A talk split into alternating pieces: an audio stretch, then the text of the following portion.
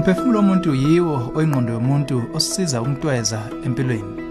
Umqondo womuntu unamandla ngendlela yokuthi angakwazi ngisho ukuzitshela ngezinto ezingekho azayikhole.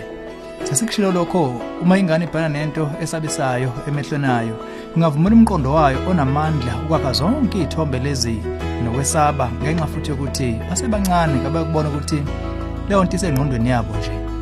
Ukuba ngumzali wengane eseke yabakulelishwa akulula. Namuhla ohlelweni ezomndeni sizokhuluma ukuthi lengane ingabhekana kanjani nohlobo lokwesaba okusengqondweni. Hlala ungasuki.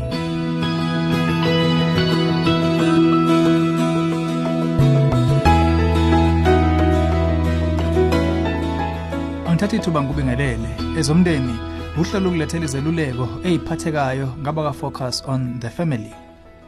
Umama usibhalele phambilini mayelana notakalano wakhe osaba kuhlasimula izinwele uthe Ngingayisiza kanjani ingane yami encane inqobo uvalo lwayo lwezinambuzane ihlale esaba amabhungane inkinga isanda kutinyelwa yinto esikoleni ngesikhathi sokudla. Usevesa vevezele uma kuukuthi kumele iklasi liphume. Sithini isombululo Kubuye sengathi ingane yakho isungulele uhlobo lwayo lokwesaba okusabhungane okukusaba izinambuzane ngamanye amazwi. Njengoba uyibonele kunzima ukuba neminyaka ewu4 noma ewu5 bese utinyelwa isilwane. Uhlobo lokwesaba njena lungadala ukushaqeka kuwe uqobo uma kuthi ingane yakho ibihlala ithakasa lokuyodlala eminyango nakhe sekuphakamisayo. Uma kuukuthi ngokwemvelo undodana wakho ubevele saba okusabhungane qede wase elunywa yilo kuyimvele ukuba kuvese kwenyuke ukusaba kuye. Leyo ngxenye iyaqondakala. Khona lapho indlela asaba ngayo ibukeka isiphezulu kakhulu. Sicagula ukuthi uvese uyasaba ngokwemvelo yakhe. Lokho kuyaba yinto ingane ezalwe iyikho.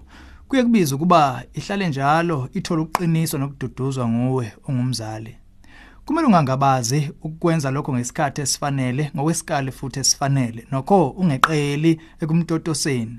Kunalokho cinga amathuba ezindlela zokumsiza anqoba ukusaba kwakhe. Usabhekana lenselelo khumbula ukuthi uvalo lwengane yakho luvele into ezibili ubuncane nongaqondi kwakhe. Abadala baba nokwesaba okwakhiwa ingqondo bayaqonda ukuthi ingqondo nje. Nokho baqhubeke besabe nakube sebazi ukuthi ingqondo esuke nje ibatshela lokho. Ukwesaba kwengane khona kusengenziwa ukuba ngamakrume empilweni bagcine sebenetwetwe ngoba kabanalo lwazi oluphelele kumbe oluqondene ngqo. Lwento esuke ibasabisa. Icebe liphathekayo ongalifaka kungaba ngikwenza umdlalwanyana nje wokumsiza anqobo kwesaba mhlawumbe hambani e-library ndawonye nibheke incwadi engamabhungane siza ingane yakho ukufunda inhlobo ezahlukene zezinambuzane afunda amagama azo nexoxo nangokuthi aphila kanjani aphila empilweni. Qala ngamabhungane nje angenabuthi necabucabu.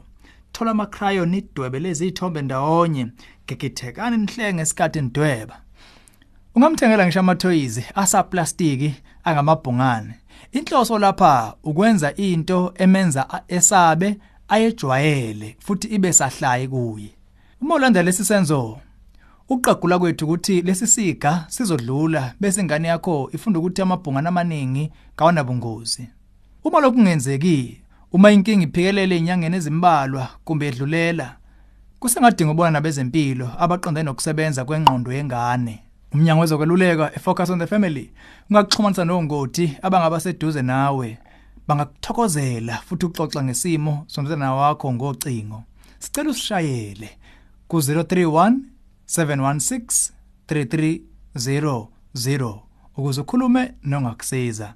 Siyaqonda ukuthi isimo singabukeka semgqinqo oqeshanayo okwamanje kuwe nangibana wakho kodwa ungadikibali ukuthi nalokho kuzodlula. Inqobo nje uma umupha uthando oluningi nokumlekelela endleleni. Lolu hlelo ezomndeni ulethulelwe yifocus on the family sihlangabezwa ohlelweni oluzayo